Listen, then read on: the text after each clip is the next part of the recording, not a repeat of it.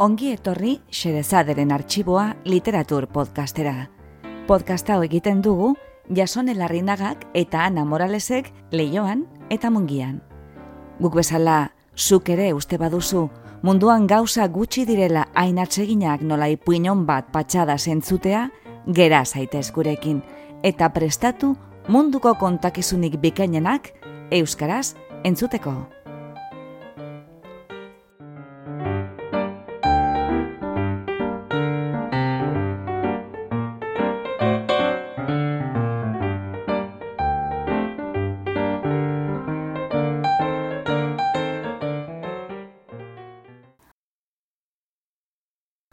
Gaur, xerezaderen arxiboan, Erromako sukarra, egilea Edith Wharton, itzultzailea Ana Morales.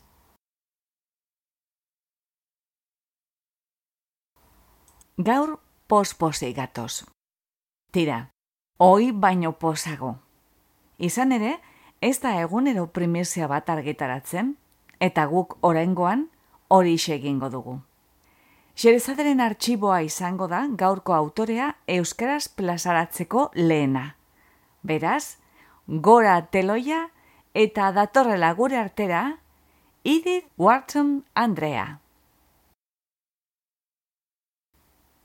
Behar bada, dagoeneko ezagutzen duzu gaurko autorea, haren obraren bat irakurri duzulako, edo zineman ikusi duzulako pantailaratu diren haien lanetarikoren bat, ala nola, The House of Mirth, Ethan Frome, edo The Age of Innocence. Guk gaur dakarguna, haren ipuin ezagunenetako bat da. Erromako sukarra.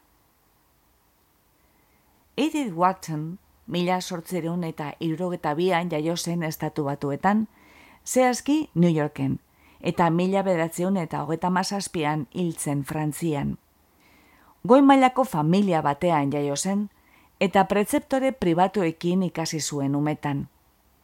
Hala baina, bere garaian emakumeek etzeukaten unibertsitatera joaterik, eta Wharton irakurle ase izanik, bere txeko liburutegia beratzean eta lagunen etxeetako liburuetan ez izuen bere burua gaztetan. Ume umetatik erakutsi zuen idazteko interesa eta gaitasuna, eta amabost urterekin argitaratu zituen lehen poemak aldizkarietan, baina anonimoki edo gizon izenarekin egin behar izan zuen. Familiak eta bereziki amak ez baitzuen begion ez ikusten etxeko alabak alakorik egitea. Bere gizarte klaseko neskekin ohitura zen bezala, Watson gizartean aurkestua izan zen mila sortzireun eta irurogeta emeretzian, eta hurrengo amarka da, bere mailari zegozkion erritual sozialetan parte hartu zigaro zuen, eta Europara bidaiatuz bere familiarekin. Mila sortzireun eta larogeta bostean eskondu zen, eta hortik aurrera, bere hiru interes nagusiak landual izan zituen bete-betean. Literatura, bere izena bizenekin, orain bai, barne diseinua, arkitektura amerikarra eta paisa jagintza, eta Europa, bereziki, Italia. Neskatila zenetik ohituta zegoen familiarekin bideiatzen, eta hala egiten jarraitu zuen bere zenarrarekin ere. Bere bizitzan, Watsonek irurogei aldiz zeharkatu zuen Atlantikoa. Ingelesaz gain, ondo menderatzen zituen frantsesa, italiera eta alemana. Berrogeita mar liburu inguru idatzi zituen, batzuk fikziozkoak, novelak, poema liburuak, ipuin bildumak, baina baita ez fikziozkoak ere, bidaia liburuak, barne diseinuari eta paisagintzari buruzkoak, idazkuntzari buruzko saiakera bat, gerrako kronikak, mila beratzeun eta hoeta batean, Pulitzer saria erabazi zuen The Age of Innocence nobelarekin, eta aitorpen hori jasotzeko lehen emakumea izan zen. Haren zirkuluan, letretako izen handiak egon ziren. Ala nola, Jean Cocteau eta André Gide, baina batez ere Henry James, bera dizkiden min eta idazle miretzia. Ia hogeta mar urtez eskonduta egon ostean, Watson eta senarra dibortziatu egin ziren, eta idazlea Parisera joan zen bizitzera. Lehen mundu gerra hastean, Watsonek beralegin guztiak bideratu zituen frantziaren alde. Joskintza tailer bat antolatu zuen emakume gabetuentzat, eta Alemaniak Belgika inbaditu ostean, bertatik frantziara heldutako errefusiatuei ostatua eta mantenu emateko ekimenak antolatu zituen, eta haiei lana bilatzeko agentzia bat sortu, ospitaleak zabaldu zituen, diru bilketak egin, kontzertuak antolatu, eta bar eta bar. Watsonen lanak, Amerikako estatu batuen urrezko aroa deritzon garaian kokatzen dira. Gutxi gora bera, erresuma batuko aro Victoriarraren garaikidea den sasoian. Bere liburuetan, autoreak barrutik hain ondo ezagutzen zuen New Yorkeko goimailako gizartea aislatzen du, bai aristokrazia zaharra eta bai elite berria, giro hori populatzen duten izakien erretratu kritiko eta ironikoak eginez. Autoraren ohiko gaietako batzuk dira, arau sozialen ersturak eta arau hoiek urratzaren ondorioak.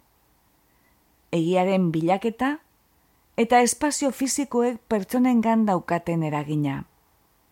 Azken bi hoiek, egia deritzon kontakizun horren osaketa eta espazio fisikoaren eta pertsonen arteko harremana, giltzarri suertatzen dira gaur entzungo dugun ipuinean.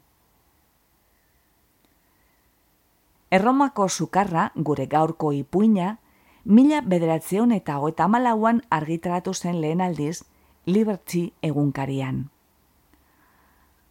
Adin erteneko bi andre ditu protagonista. Grace Ansley eta Alida Slade. Umentatik izan dira lagunak, baina eskontzeak eta bizitzako goraberek urrundu egin zituen olabait.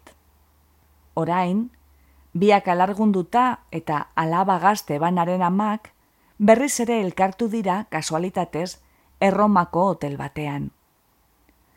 Bista zoragarri bat begira aurkitzen ditugu iluna barrean. Erroma zaharreko foroaren eta koliseoaren ikusmira bikaina eskaintzen duen jatetxe bateko terrazan. Iraganari begira daude beraz, bai literalki, aurrean dauzkaten loria zaharren ondakinen bitartez, eta bai figuratiboki, ilargi beteko gauak, euren gaztaroko beste garai bat baitakarkie gogora, eta zehazki erroman pasatutako negu bateko gertaerak. Ikusi batera, Grace Ansley isila, lotxatia eta hotzana da. Eredugarria. Alida Slade berriz, bizia eta erabakitzua da. Bizitza kitzikagarria izan zen bi andreentzat, eskontzaren merkatuko objektu desiragarria izan ziren bitartean, baina behin eskonduz gerostik, besteren bitartez bizi izan dute bizitza. Norbaiten emazte izan dira eta norbaiten ama. Orain, alargundurik eta alabak nagusi direnean, lekurik eta rolik gabe aurkitzen dute beren burua, galduta nola bait.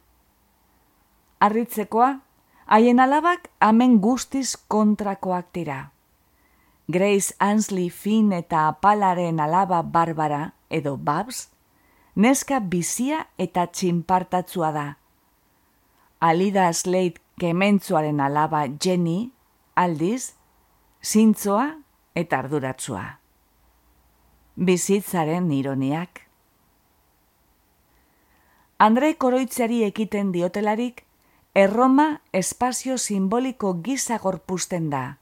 Adiraziz ez bakarrik denboraren ieskortasuna, baina baita etxe barruko segurtasunari kontraiartzen zaion kanpoalde ambivalentea.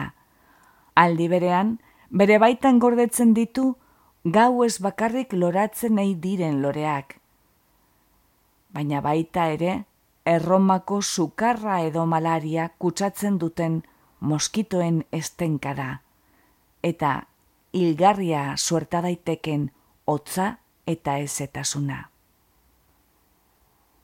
Ondakin klasikoak esanguraz betetzen diren bezala, ez da kasualitatea ere ipuin osoan zehar protagonistetako bat trikotatzen egotea, puntua egiten, historio bat euntzaren metafora ohikoa literaturan, baina baita intrigaren irudia ere.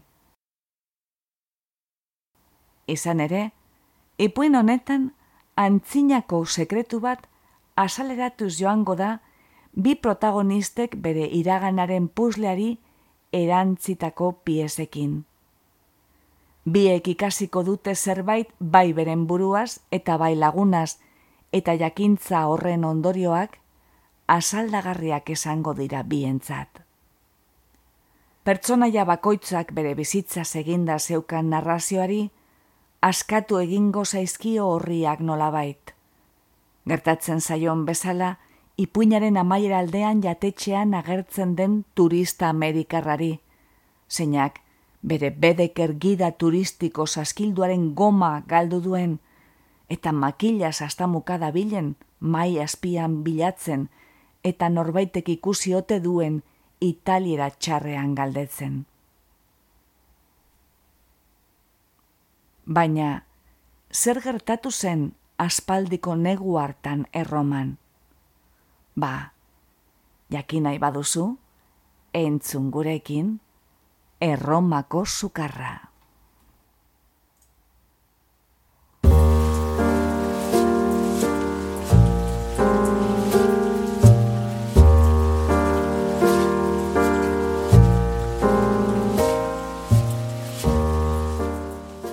Baskaltzen egonak ziren maitik jaikita, adin ertain umotu baina ondo zainduko bidama Amerikarrek, erromako jatetxeko terraza garaia zeharkatu zuten, eta karelean bermaturik, lendabizi elkarri eta gero bera begiratu zuten.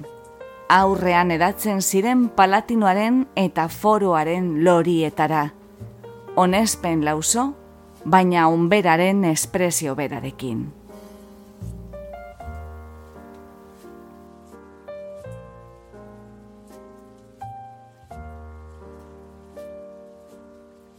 Bertan zeudela, neska ahots baten oihartzun alaia heldu zen beko patiora zijoa zen eskaileretatik.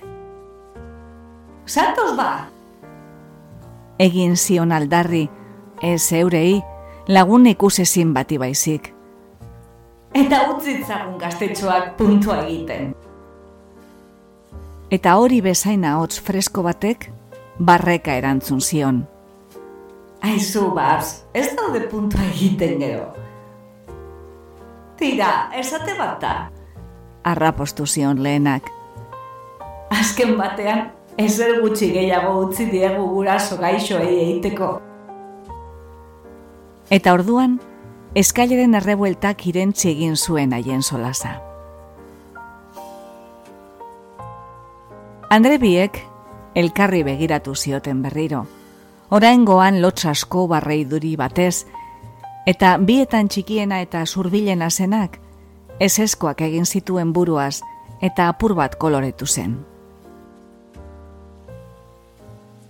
Barbara, esan zuen apeka, entzun bako agirika bat bidaliz eskaileretako ahots purlatiaren atzetik. Beste Andreak, beteagoa baitzen, eta kolore biziagokoa, bekain beltz kementsuek eutxitako sudur erabakitzu batekin, barregin zuen umore honez. Horra zer uste duten gutaz gure alabek. Haren lagunak, arbuiosko keinu batez arropostu zion. Ez gutaz banan-banan hartuta, gogoratu behar dugu hori.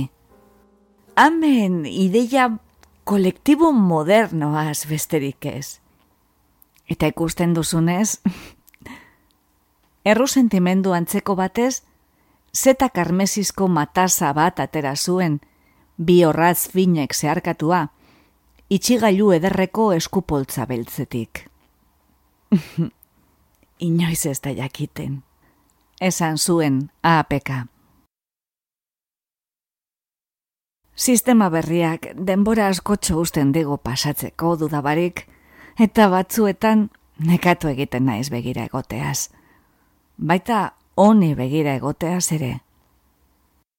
Keinoak, haien oinetan zegoen agertoki estonagarria seinalatu zuen.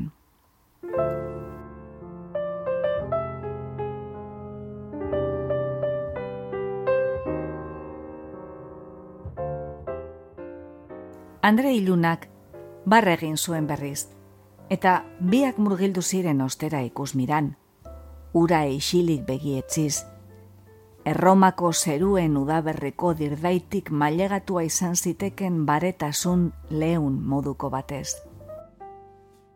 Baskal ordua aspaldi igaroa zen, eta bakarrik zeuden terraza itzelaren muturartan.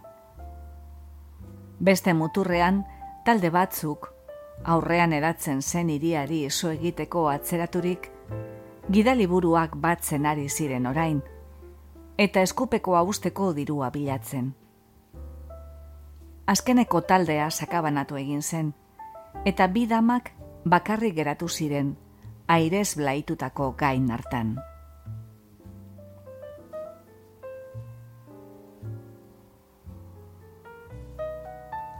Bueno, ez dut ikusten zergatik ez gaitezken hemen geratu.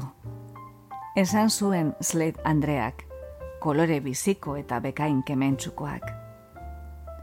Baziren han gertu sumintzesko aulki zarpailbi, eta karelaren txokora bultzatu zituen, eta aietako batean jarri zen, begira da palatinoan pausaturik. Azken batean, munduko ikuspegirik ederrena da, oraindik ere. Niretzat, ala izango da beti. Baietzi zuen Ansley Andreak, hain harinki nabarmenduz, niretzat hori, non Slade Andreak, erreparatu bazion ere, pentsatu baitzuen ezote zen izango kasualitatezkoa, modaz pasatutako gutunetako hausasko azpimarrak bezala. Grace Ansley beti egon da modaz pasatua. Pentsatu zuen, eta atzera begirako irribarre batez, onela gehitu zuen ahotskora. Biok orain dela urte askotxo ezagun dugun ikus da. Hemen elkarre ezagutu genuenean, gure neskak orain baino gazteagoak inen. Gogoratzen. Bai, bai. Gogoratzen naiz. Esan zuen Ansley Andreak apeka, enfasi zehazte berberaz. Hor dago zerbitzarien burua, ia zertan ote gabiltzan, tartekatu zuen. Bistan zen lagunak baino asko ziurtasun gutxiago zuela bere buruaz eta munduan zituen eskubideez. Zendatu egingo dio jakingura. Esan zuen Slade Andreak, eskua lusatuz, Ansley Andrearen abe zain diskretuki luxuskoa zirudien esku poltzara. Zerbitzarien buruari keino eginez, azaldu zion bera eta bere laguna, erromaren aspaldiko maitaleak zirela, eta arratsaldaren amaiera ikusmirari begira pasatu gurako zutela, jakina zerbitzuari traba egiten espazioten. Zerbitzarien buruak, eskupekoari buru makurtze bat eginik, ziurtatu zion damak guzti zongi etorriak zirela, eta areago izango zirela, baldin eta afaltzen geratzeko adeia egiten bazioten ilargi beteko gaua gogoratuko zuten. Ansley Andrearen bekainak elkartu egin ziren. Ilargiaren aipamena lekus kanpokoa eta are txarto hartua balitz bezala. Baina, irribarreaz desegin zuen betozkoa zerbitzaria erretiratutakoan. Ansley Andrea pikin bat gorritu zen berriz ere.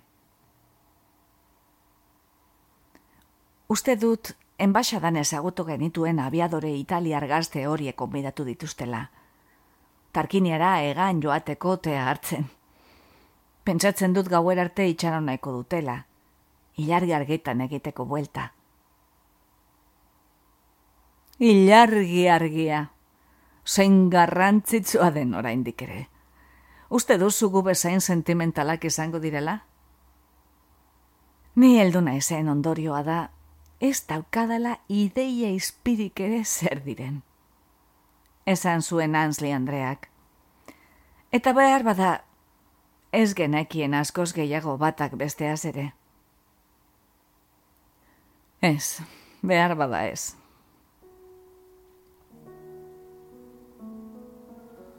Lagunak begirada lotxati bat zuzendu zion. Enuke inoiz pentsatuko sentimentala zinenik alida.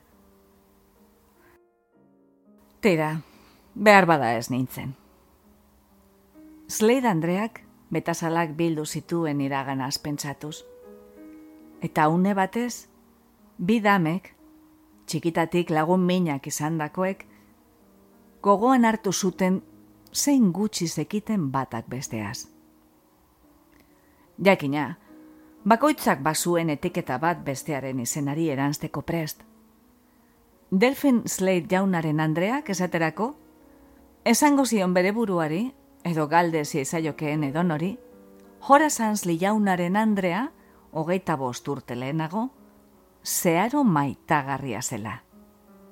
Ez, ez zenuke eure zinetxiko ez da, baina bai xarmagarria, dotorea. Tira, neskatilatan ezin finagoa izan dakoa zen. Bere alaba barbara baino askoz ere ederragoa, naiz eta egia zen barbs, arau berrien arabera behintzat, eraginkorragoa zela. Txinpart gehiago zeukan, esaten duten moduan. Nondik aterako ote zuen, guraso gauzez pare horrekin. Bai, Jora Sansley zen, zera, bere mastearen kopia bat, antzinako New Yorkeko museoko espezimenak. Itxura honekoak, aitzakiari kabeak, ere edugarriak. Slade Andrea eta Ansley Andrea aurrez aurre bizi izandakoak ziren, benetan eta metaforikoki urteetan. Irurogeita amairugarren kalearen ekialdeko hogeigarren zenbakiko egongelako gortinak berritzen zirenean, kalearen bestaldean, hogeita irugarren zenbakian, beti izaten zuten horren berri. Eta ara onako, erosketa, bidaia, urtemuga, gaixotasun guztien berri bikote estimagarri baten kronika motela. Ezer gutxi itzuri zitzaion Slade Andreari. Baina bere senarrak Wall Streeten tantotzarra egin zuen erako, aspertua zegoen horretaz, eta Park Avenueko etxea erosi zutenean, hasita zegoen pentsatzen. Nahiago edaritegi klandestino baten aurrean bizi, aldatzearen. Beintzatagian sarekadak ikusiko genituzke. Grei sarekada batean ikusteren ideia hain zen barregarria, non etxe saldatu aurretik, halako batean bota egin zuen Andreen baskari batean. Sekulako arrakasta izan zuen, eta ahosa ho zabaldu zen. Batzuetan bururatzen zitzaion esote zen kalearen bestaldera heldu, Ansley Andrearen ganaino. Ez ez espero zuen, baina ez itzaion asko aixola. Egun haietan errespetagarritasuna merkealdian zegoen, eta aitzakari gabeko jendeari etzion kalterik egiten haien lepotik barre pixka bat egiteak.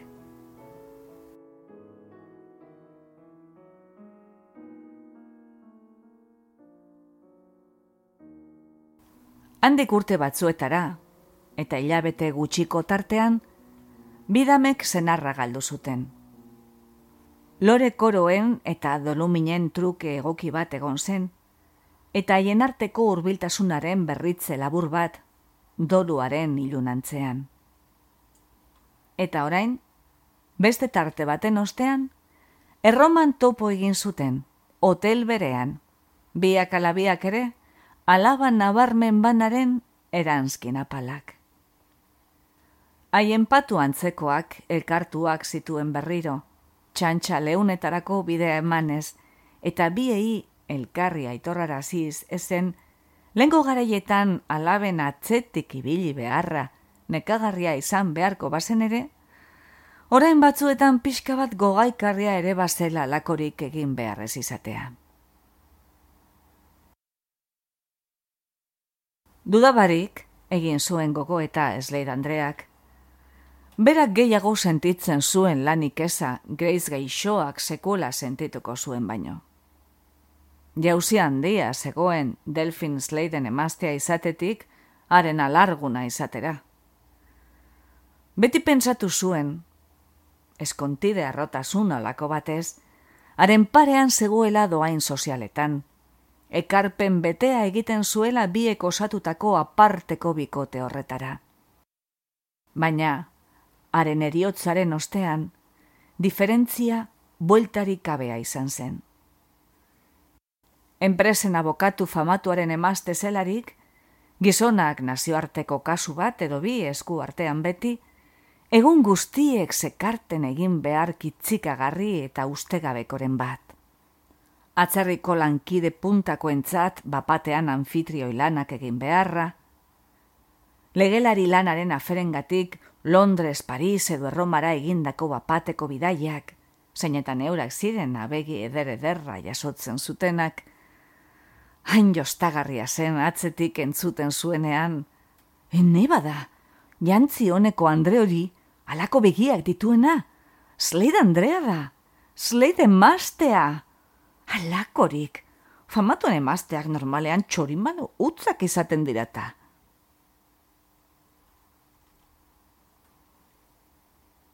Bai, horren ostean, Slade larguna izatea kontu aspergarrixea zen. Bere gaitasun guztiak jarriak zituen alako senar baten mailan egoteko aleginean.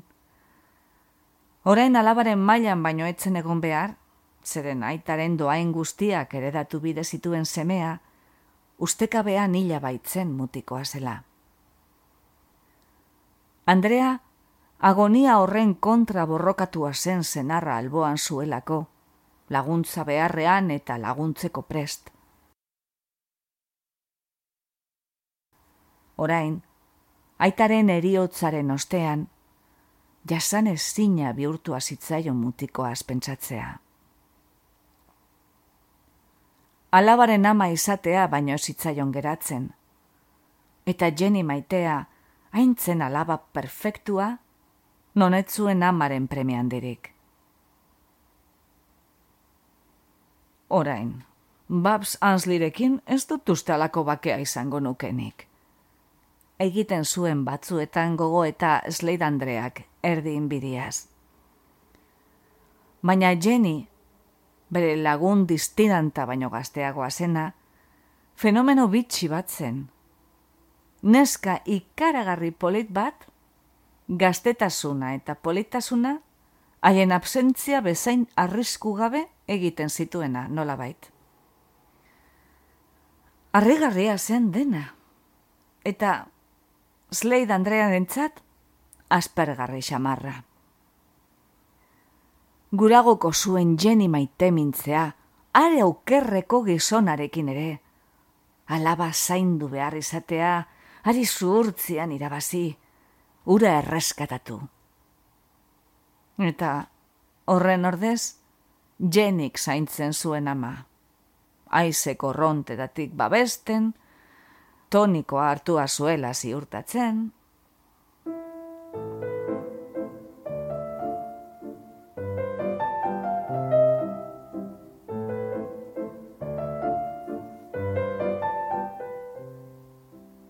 Ansley Andrea, etzen inola ere bere laguna bezain zehatza, eta Slade Andrea zeukan erretratu mentala xumeagoa zen, eta ukitu harinago ez egina.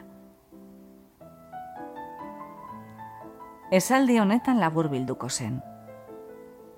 Alida Slade itzel itzela da, baina ez berak uste bezain itzela.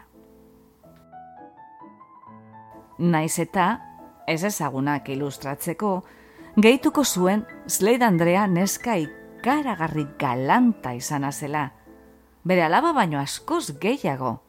Urare, polita baitzen jakina, eta buru argia nola bait. Baina ez zeukan ezer bere amaren, zera, bizitasunetik. Baten batekin inoiz deitu zion moduan. Ansle Andreak alako berba modernoak hartu eta komatxoen artean aipatu zituen egundoko ausarkeriak balira bezala. Ez, Jenny etzen bere ama bezalakoa. Batzuetan Ansle Andreak pentsatzen zuen Alida Slade decepzionatuta zegoela. Oroar, bizitza tristea izan zuen frakasos eta utsegitez betea. Ansley Andreak erruki pixka bat izan zion beti. Ala, visualizatzen zituzten bi Andreok elkar, bakoitzak bere teleskopio txoaren okerreko muturretik.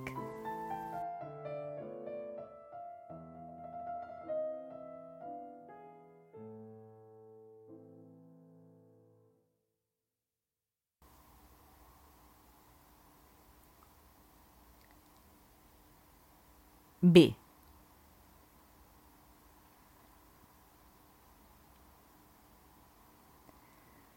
Luzaroan egon ziren elkarren ondoan jesarrita berbarik egin gabe. Esan ziteken bientzat, harindu bat zela beren zeregin utzal xamarrak bertan bera ustea, aurrez aurrez zeukaten memento mori erraldoiaren presentzian. Slade Andrea oso geldi zegoen. Begiak Cesarren palazioko aldapa aurrekaran josita, eta handik tarte batera, Ansle Andreak ere bere esku poltzan ibiltzeari utzi, eta bera ere murgildu zen meditazioan.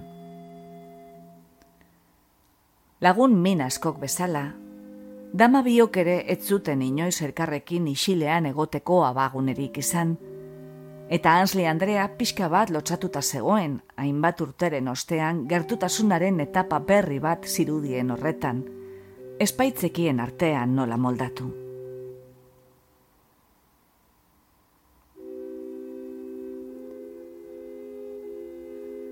Bapatean, airea bete zen, aldiro erroma zilarrezko zabai batez estaltzen duen kanpaien dilindalan lodi horretaz.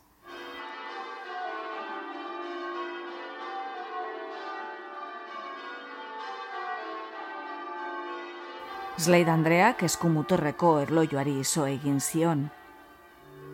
Bostak dagoeneko. Esan zuen, harrituta bezala. Ansley Andreak galdetu antzean iradoki zuen. Bostetan bridge partida dagoen baxadan? Luzaroan Slade Andreak ez zuen erantzun. Begiezpenean galduta zegoela zirudien eta Ansle Andreak pentsatu zuen oharkabean joan azitzaiola bere iruzkina. Baina handik tarte batera esan zuen, amets batetik bueltan mintzo denak legez. Bridge partida diozu, mm, ez, ez padazuk nahi duzula, baina nigatik, hobeto ez. Ez ez, presatu zen lasaitzera Ansli Andrea. Ez dut bat ere gogorik, zoragarri egoten da hemen. Eta inbeste oroitzapen datoz, zuk diozunez. Aulkian ondo egokitu zen eta ia isilostuka puntua atera zuen berriro. Slade Andrea begi ertzetiko hartu zen jardun horretaz, baina haren esku bikain zainduak geldi geratu ziren haren belaunen gainean. Pentsatzen nengoen, esan zuen astiro. ze gauza desberdinak errepresentatzen dituen arromak belaunaldi bakoitzeko bidaiarientzat. Gure amamentzat, erromako sukarra. Gure amentzat, arrisku sentimentalak, zelan zelatatzen gintuzten. Gure alabentzat, ez arrisku gehiago, kale nagusiaren erdigunea paino. Eurek ez dakite, baina zenbat ari diren galtzen.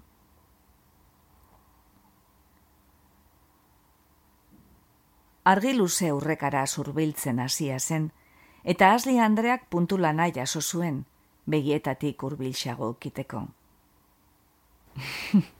Zelan zelatatzen gintuzten, bai.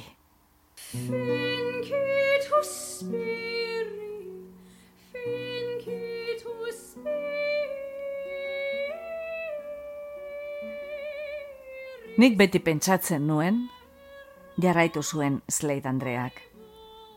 Gure amek asko ere zailago izan zutela gure amame paino.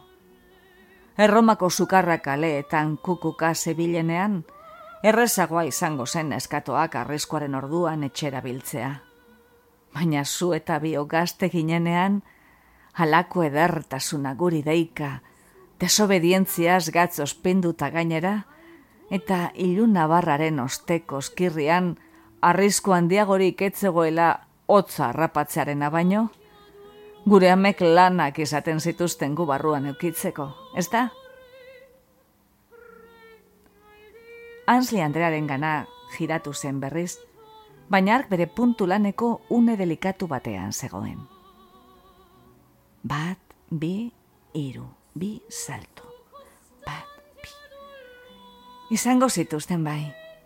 Bai etzi zuen gora begiratu barik. Slade Andrearen begiak arengan pausatu ziren arretasako nagoaz. Puntua egin dezake nun eta unen aurrean. Bera bezalakoa, benetan. Slade Andrea agondo egin zen begiak aurrez aurreko ondakinetatik foroaren sakonune luze berderantzera manez. Hortik, aragoko elizen aurrealdeen distira gero eta motelagora, eta handik koliseoaren ikaragarritasun urrunera. Bapatean pentsatu zuen, Oso ondo dago esatea gure alabe kito egin dutela sentimenduarekin eta ilargiarekin. Baina Bob Sansley, abiadore gazte hori, markesa den hori, harrapatu nahian espadabil, nik ez dakite zer bizitza honetan. Eta jenik ez dauka bat ere aukerarik haren ondoan. Hori ere badakit. Ez ote du horregatik gogoko izango Grace Sansleyk neska biak toki guztietara elkarrekin joatea neure jeniko itadua beste baten osagarri. Slade Andreak doi entzuteko moduko algara bat egin zuen, eta soinuaz Asli Andreak jausten utzi zuen puntua. Bai? E, ez errez. Pentsatzen nengoen zure babsek zelan eramaten duen dena aurretik. Kampolieri gazte hori erromako partidu onenetako bat da. Ez jarri xalo arpegi hori, maitia, badakizu ala dena. Eta neure artean esaten den bilen, begirune osoz, eh? Ulertzen didazu. Esaten den bilen, zela moldatu ote zineten zu eta joraz bezalako figura eredugarri bi, halako gauza dinamiko bat sortzeko. Eslaid Andreak barre egin zuen berriz. Ugitu latz batez.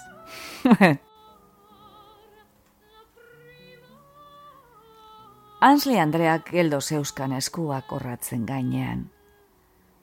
Zuzen begiratu zion bere oinetan zetzan pasio eta distirasko ondamen pilaketan diari. Bainaren profil xumea espresio gabea zenia. Azkenean, esan zuen uste dut larretxe egiten duzula babs maitia. Slade Andreak tonu erosoago bat hartu zuen. Ez ez, balio etzi egiten dut. Eta behar bada inbidea dizut. Bai, nire neska perfektua da. Ni ezin du kronikoa banintz, zera, nahiago nuke jeniren eskuetan egon. Egunen batean, baina ara, beti nahi esan nuen alaba distirant bat. Eta inoiz ez dut guzti zulartu zergatik tokatu zitzaidan aingeru bat horren ordez. Ansley Andreak barregin zuen eta murmurio xume baten oi hartzuna gehitu zion. Babs ere aingeru bat da. Ja, jakina, jakina.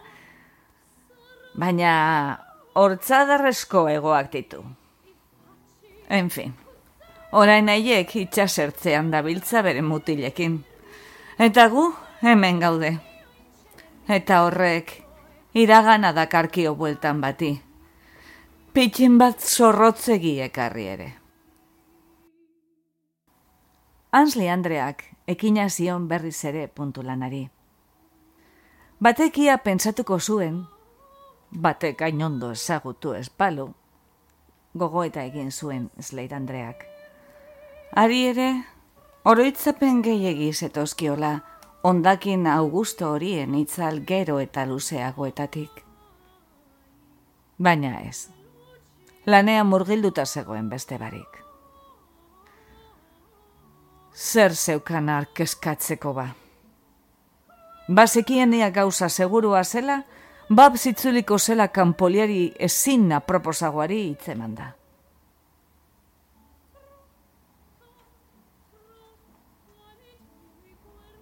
Eta New Yorkeko etxea salduko du, eta Roman esarriko da haien gandik gertu, eta ez die inoiz trabarik egingo, diskreto egia da.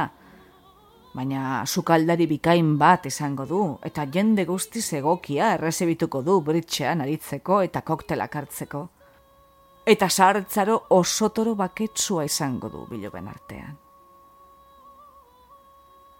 Slade Andreak egaldi profetiko ura eten zuen bere buruaren gandik iguinez apartatuz. Inoketzuen gutxiago merezi bere gaitzespena Grace Hanslik baino. Ezote zitzaio inoiz arenganako inbidia sendatuko. Behar bada, aspaldiko egia zuen.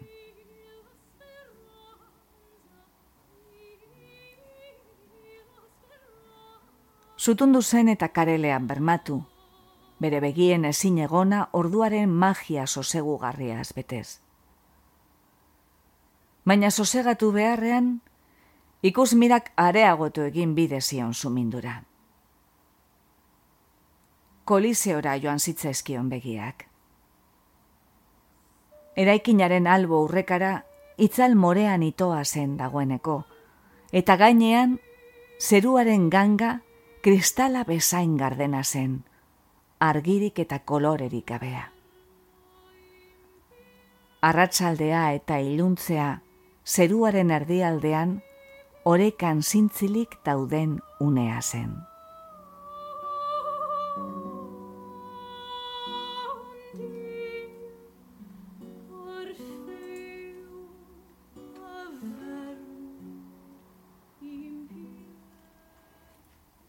Slade Andrea giratu zen eta eskua jarri zuen lagunaren sorbaldan. Keinua hain bapatekoa izan zen, nun Asli Andrea kora begiratu zuen ikara batez. Eguzkia gorde da. Etzara beldur, maitia. Beldur? Erromako sukarraz edo neumoniaz, gogoan du zein gaixorik egon zinen negu hartan. Neskatotan oso sama delikatua zenuen, ezta? Ah, hemen ondo gaude. Bean foroan izugarri usten du bapatean, baina ez hemen. Jakina, zuk ondo dakizu, kontu handi handia zibili behar izaten zinelako. Slade Andrea karelerantz giratu zen berriz. pentsatu zuen. Beste alegin bategin behar dut eskorrotatzeko. Ozen esan zuen. Hemendik forora begiratzen dudan bakoitzean, zure izeko zarraren historioaz gogoratzen naiz. Izeko zar bat zen, ez da? Gaizto, gaiztoa zen bat. Ah, bai, izeko jarriet. Eguzkia joandakoan bere aizpagaztea bidalia izuen aforora, gau ez loratzen den lore baten bila, bere albumerako. Izeko zar guztiek eta amama guztiek izaten zituzten lore lehortuen albumak. Slade Andreak, bai eskoa egin zion buruaz baina biak gizon berarekin maite minduta zeudelako bidali zuen benetan. Tira, hori zioen familiako tradizioak. Zioten izeko jarrietek ala itortu zuela handik urtetara. Edo zelan ere, aizpatxo gaixoak sukarra rapatu eta hilegin zen. Txikitan amak historio horrekin bildurtu egintuen. Eta zuk neu bildurtu ninduzun, biok hemen egon ginen negu hartan neskatotan. Delfineri eskonitza eman nion neguan. Hansle Andreak barre xume bat egin zuen. bai gero, benetan beldurtu zintudan. Ez dut uste erraz beldurtzeko azarenik. Normalean ez, baina urduko hartan bai. Erraz beldurtzen nintzen, soriontzu egian intzelako.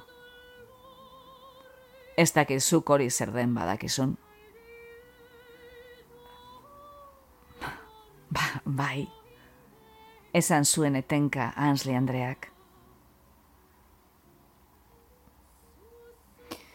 Tira, horregatik impresionatuko ninduen hainbeste zure izeko gaiztoaren historioak. Eta pentsatu nuen, Orain ez dago erromako sukarrik, baina eguzkia joandakoan ikaragarrizko hotza egiten du foroan.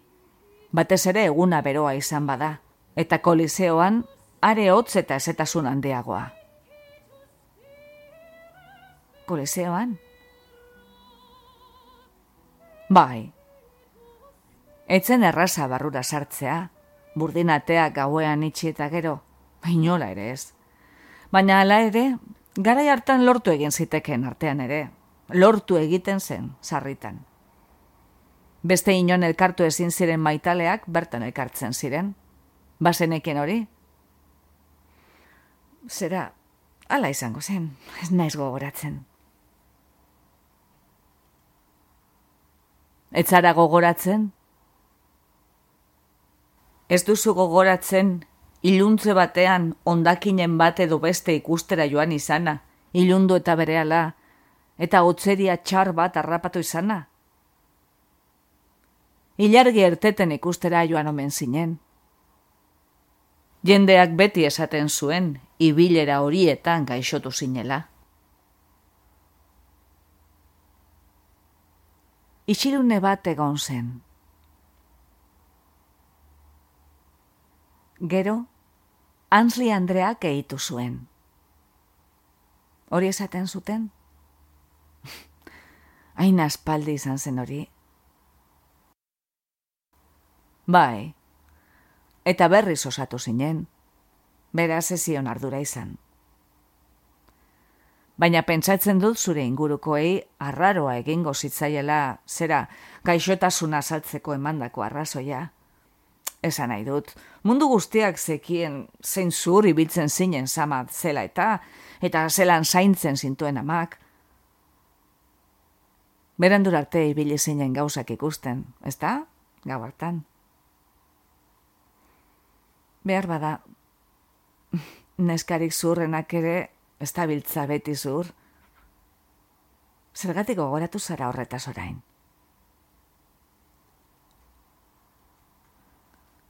Slade Andreak ez bide zuen erantzunik prest. Baina handikune batera lehertu egin zen.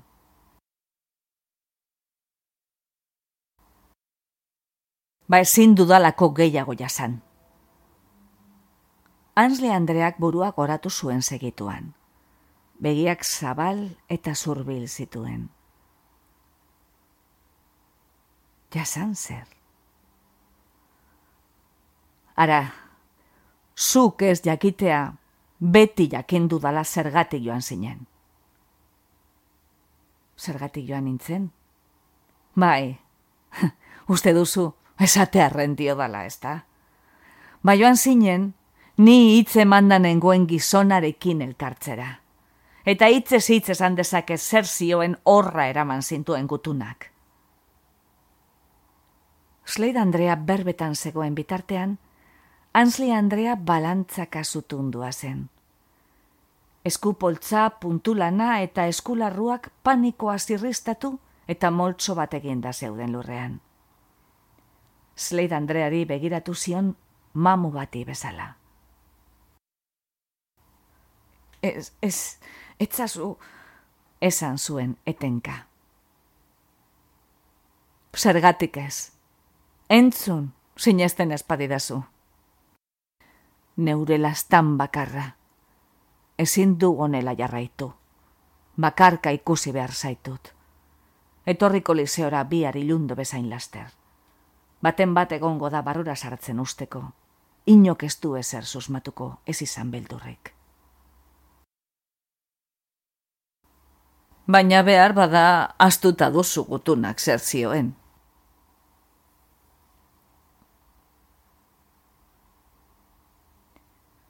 Ansli Andreak ustegabeko autokontrola egin zion aurre erronkari. Aulkiaren kontratenteturik lagunari begiratu zion eta erantzun zuen. Ez, nik ere buruztaket. Eta sinadura, zeure DS. Hori zen? Zuzen nabil, ezta? Hori zen gau hartan ilundu ostean kalera eraman zintuen gutuna? Ansli Andrea berari begira zegoen oraindik. Slade Andreari iruditu zitzaion, borroka geldo bat jokatzen ari zela, borondatez kontrolatutako aurpegitxu lasai horren maskararen atzean.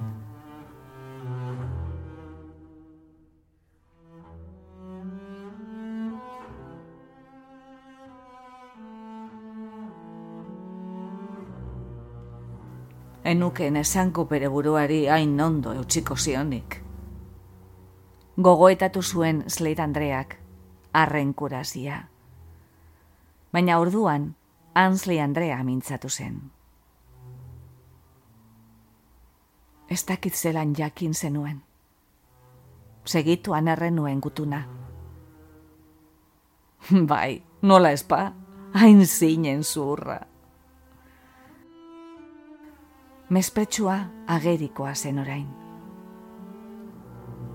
Eta gutuna erreba zenuen, orain zeure buruari galdetzen zabiltza, zelan arraio ote dakidan nik zer zioen. Hala da, ez da? Slade Andrea zain geratu zen, baina Ansley Andreak ez zuen hitz egin. Ara maitea, badakit gutunak zer dioen, nik neuk idatzi nuelako. Zuk idatzi zenuen? Bai.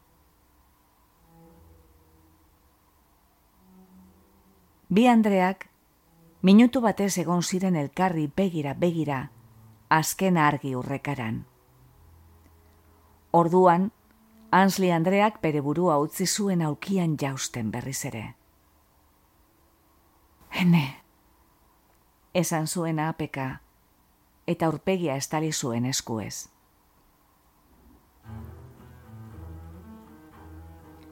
Slade Andrea beste berba edo mugimendu baten zain geratu zen urduri. Etzen alakorik egon, eta azkenean lehertu egin zen.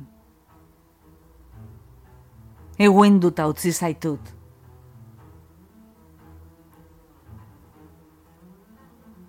Ansli Andreak belaun gainean utzi zituen jausten eskuak. Agerian geratutako aurpegia malkos beterik zegoen.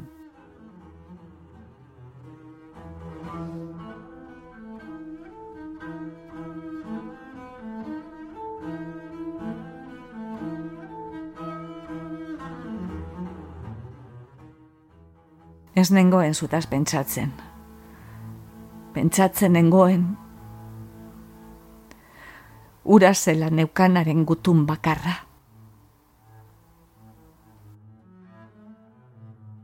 Eta neukidatzi nuen, bai, neukidatzi nuen. Baina neu nintzen ari hitzen manda zegoen neska. Bururatu zitzaizun horretaz gogoratzea. Ansli Andreak burua makurtu zuen berriro. Ez nabil desen kusatzen. Gogoratzen nuen. Eta la ere joan egin zinen. Ala ere joan egin nintzen. Slade Andrea zutunik zegoen, bere alboan makurtutako figuratxoari begira. haren amorroaren sugarra apaldua zen dagoeneko. Eta bere buruari galdetzen zebilen zergatik pentsatuko ote zuen inoiz, ezelako posik emango zionik bere lagunari alako kolpe zentzugabe bat jotzeak. Baina bere burua zuritu behar zuen. Ulertzen, deskubritu egin nuen, eta gorroto hartu nizun korrotoa. Jakin nuen delfinekin maite mendutua zen dela. Eta beldurtu egin nintzen, zutaz beldurtu nintzen, zure modu isil horietaz, zure estitasunaz, zure... Tira, enbarazutik kendu nahi zintudan, hori baino ez. Aste batzuetarako besterik ez, urazi ure ukiarte. Beraz, amorraldi itzu batean gutu nahi datzi nuen. Ez dakiz zergatik kontatzen dizudan orain.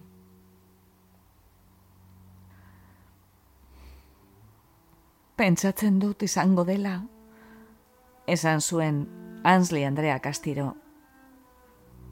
Arrezkero, jarraitu duzulako nik orroto izaten. Behar bada edo kontori guztia brutik kendu gura nuelako. Isildo egin zen une batez.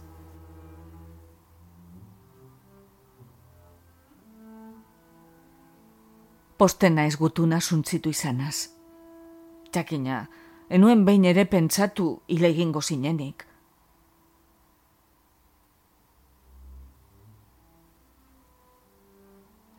Ansle Andrea berriz geratu zen isilik, eta Slade Andrea goitik berari begira.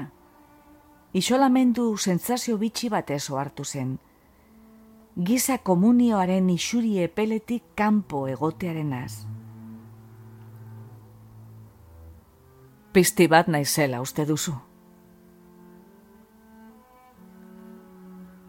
Ez dakit urazen neukan haren gutun bakarra, eta zuk idatzi zen noela diozu. Ai, zelako naitasuna diozu oraindik. Oroitzapen horri nion naitasuna. Esan zuen Ansli Andreak. Slade Andrea goitik ari begira jarraitu zuen bazirudien kolpeak fizikoki txikiagotu egin zuela Ansli Andrea. Zutituzkero aizeak sakabanatu behar balu bezala hautz multzo baten gizan.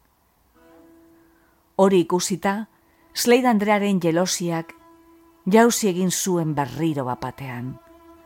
Urte horietan guztietan, emakumea gutun horretarako bizi izandakoa zen. Zela maite behar izan zuen gizona, gutunaren errautzen oroitzapen utza horrela zaintzeko.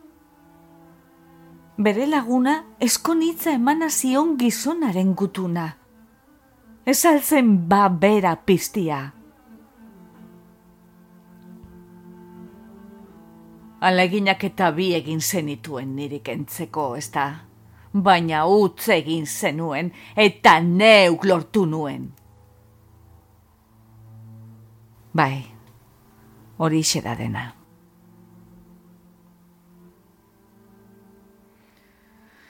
Nahiago nuke esan espanizu.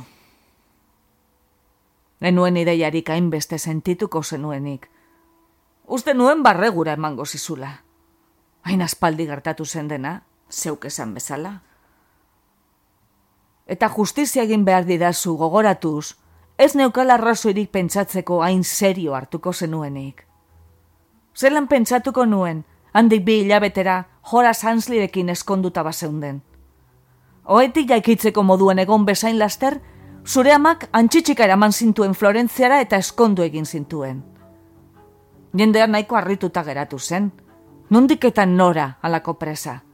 Baina nik pentsatu nuen, banekiela.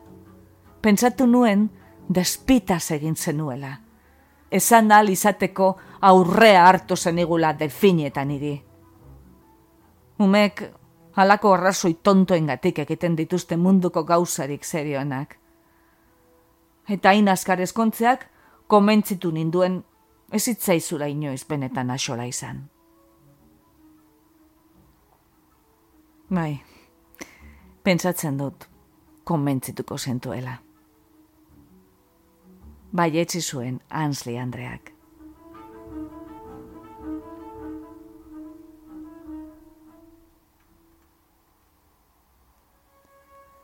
Gainean, zeru gardena urrea susturik zegoen erabat. Iluntzea edatu zen haren gainetik, zazpi muñoak tupustean belztuz. Han eta hemen, argiak nirnirka hasi ziren agertzen haien oinetako landaretzaren tartetik. Terraza bakartian, urratzen joan etorria entzuten zen, Zerbitzariek eskailera buru ondoko atetik begiratu, eta gero berriz agertzen ziren erretiluekin eta mai zapiekin eta ardo bonbilekin. Mugitu zituzten maiak, zuzendu zituzten aukiak. Argi elektrikoen txirikorda me bat piztu zen kliskaka.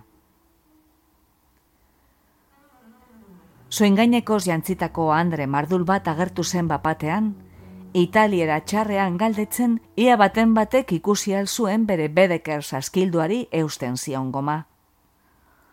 Makilaz lurra jotzen ibili zen, baskaritan egona zen maaiaren azpian, zerbitzarien laguntzaz.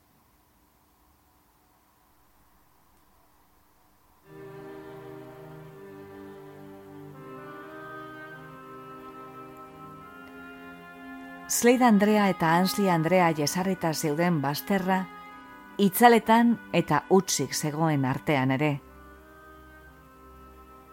Luzaroan, ez batak ez besteak, ez zuten hitz egin.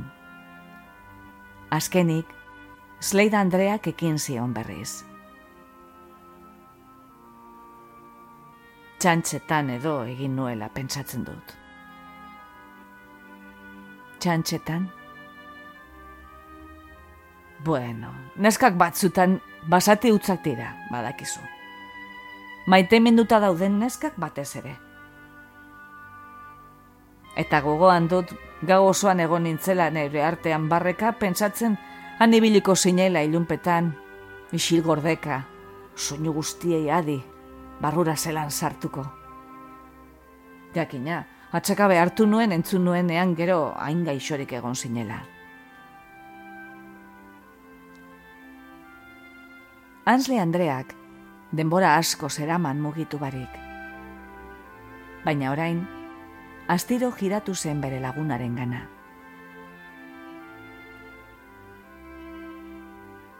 Baina er nuen itxaron. Dena zeukan antolatuta. Bertan zegoen. Bere ala utzi ziguten sartzen. Esan zuen. Slade Andrea ziztuan tentetu zen. Delfin bertan, marrura sartzen utzi zizuetela? Ha, kezurretan zabiltza oraintxe. Lehertu zen bortizki. Ansle Andrearen ahotsa argiago egin zen, eta harriduraz bete. Jakina bertan zegoena baina, hori etorri zela. Etorri, zelan zekien ba bertan aurkituko zintuela. Burua galdu duzu seguro.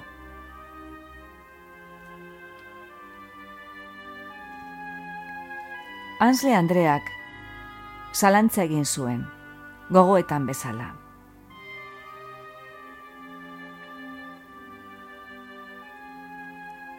Baina, erantzun egin nion gutunari. Esan nion bertan izango nintzela. Beraz, etorri egin zen. Slade Andreak eskuak eraman zituen aurpegira.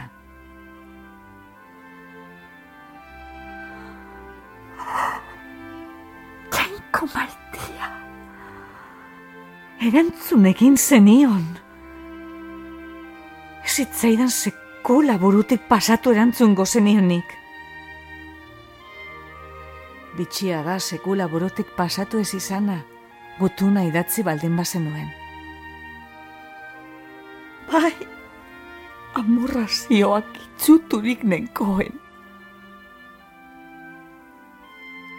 Ansle Andrea zutundu egin zen, eta larruzko estolan bildu zen. Otz da hemen.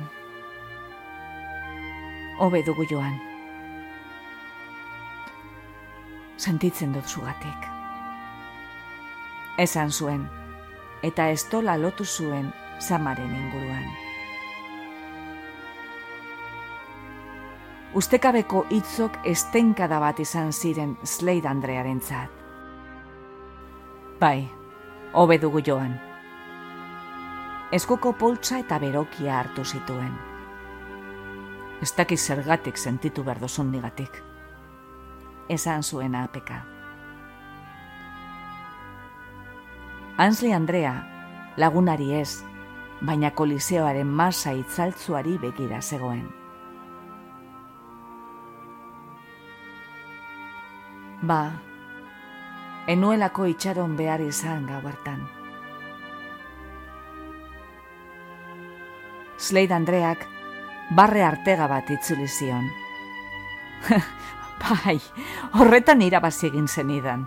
Hori aitortu beharko dizut, suposatzen dut. Urte hauen guztien ostean, azken batez, dena eukidut. Bera eukidut hogeita bost urtez. Eta zuk, zuk ez duzu ez zareuki. Berak idatzi ez zizun gutun hori baino ez. Ansli Andrea, isilik eratu zen berriz. Azkenean, urratz bat egin zuen terrazako aterantz eta buelta eman zuen, lagunari aurrez aurre zo eginez. Barbara eukin nuen. Erantzun zuen. Eta Slade Andrearen aurretik hasi zen eskaileretarantz.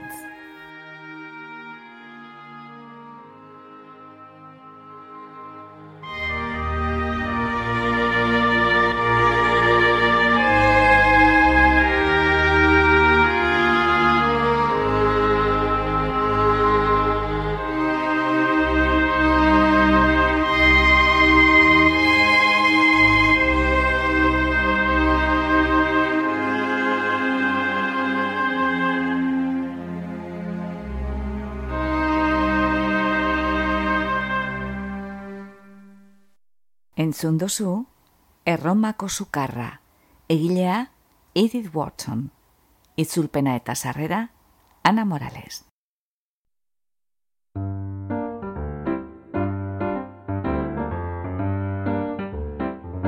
Xerezaderen artxiboko atal bat entzun duzu. Gure doinua da Charleston Behind the Attic Door, Dance of the Wind taldearena. Bizitatu gure bloga gure audioak deskargatzeko edo online entzuteko. Iru Xerezade, isaz idazten da, gogoratu. eta ezaztu iruzkinak ustea. Podcast hau egiten dugu jasone larrinagak eta Ana Moralesek leioan eta mungian. Xerezaderen artxiboko atal guztiak emititzen dira Bilbo iria irratian eta arrosa zarean. Mila esker gurera hurbiltzeagatik, gustora egon bazara, erdu urrengo batean ostera ere, xerezaderen artxibora. Laster arte!